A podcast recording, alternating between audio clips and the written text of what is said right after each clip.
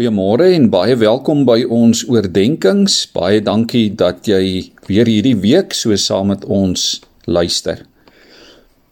In Psalm 32 lees ek vir ons vanoggend 'n paar verse. Dit gaan goed met die mens wie se oortredings nie gestraf word nie, wie se sonde vergewe word. Dit gaan goed met die mens vir wie die Here die oortreding nie toereken nie en in wie se gees daar geen valsheid is nie. Ek wil jou onderrig en jou die pad leer wat jy moet volg.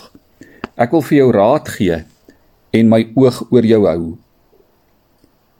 Verbly julle in die Here en juig geregverdiges, jubel alle opregtes. Die goddelose het baie smarte, maar wie op die Here vertrou, die omvou hy met sy liefde. Psalm 32 gaan oor vertroue en vergifnis. Om regtig gelukkig te wees, is dit nodig dat ons saak met die Here reg sal wees. Wanneer ons as Christene sonde doen, is dit van selfsprekend dat ons ongelukkig sal wees daaroor.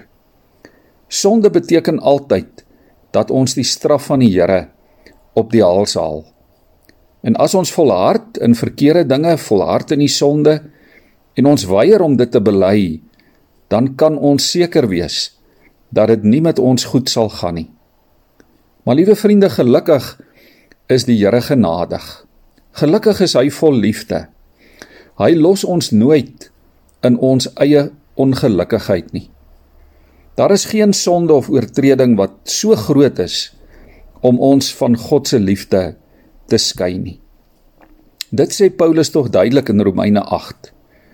As ons ons sondes bely, sê 1 Johannes 1 vers 9, dan is God onmiddellik bereid om ons te vergewe, sodat ons weer sy vreugde en sy vrede in ons lewens kan beleef. Ons kan vanmôre weet, ook na die nagmaal van gister, dat Jesus reeds aan die kruis die prys betaal het vir al ons sonde, dat hy dit volledig vereffen het. En daarom is God se vergifnis ook vandag deel van ons lewe. Is daar dalk ver oggend nog sonde in jou eie lewe, dinge wat jou ongelukkig maak? Gee dit vir die Here. Miskien gaan dit nie so maklik wees om om daarmee te breek nie, maar jy kan ver oggend weet God sal jou help om dit te doen. Vertel vir die Here daardie sonde, bely dit een vir een voor hom en hy sal jou toefou met sy liefde. Kan jy vanoggend met eerlikheid sê dat jy vreugde vind in God se wet, in God se woord? Lewe jy elke dag onder die heerskappy van sy wil of lewe jy dalk nog onder die heerskappy van jou sondige natuur? Dis nie nodig nie. Die geheim van hoe jy 'n gelukkige lewe kan leef, lê in Christus, jou verlosser. Hy het ons reeds aan die kruis verlos.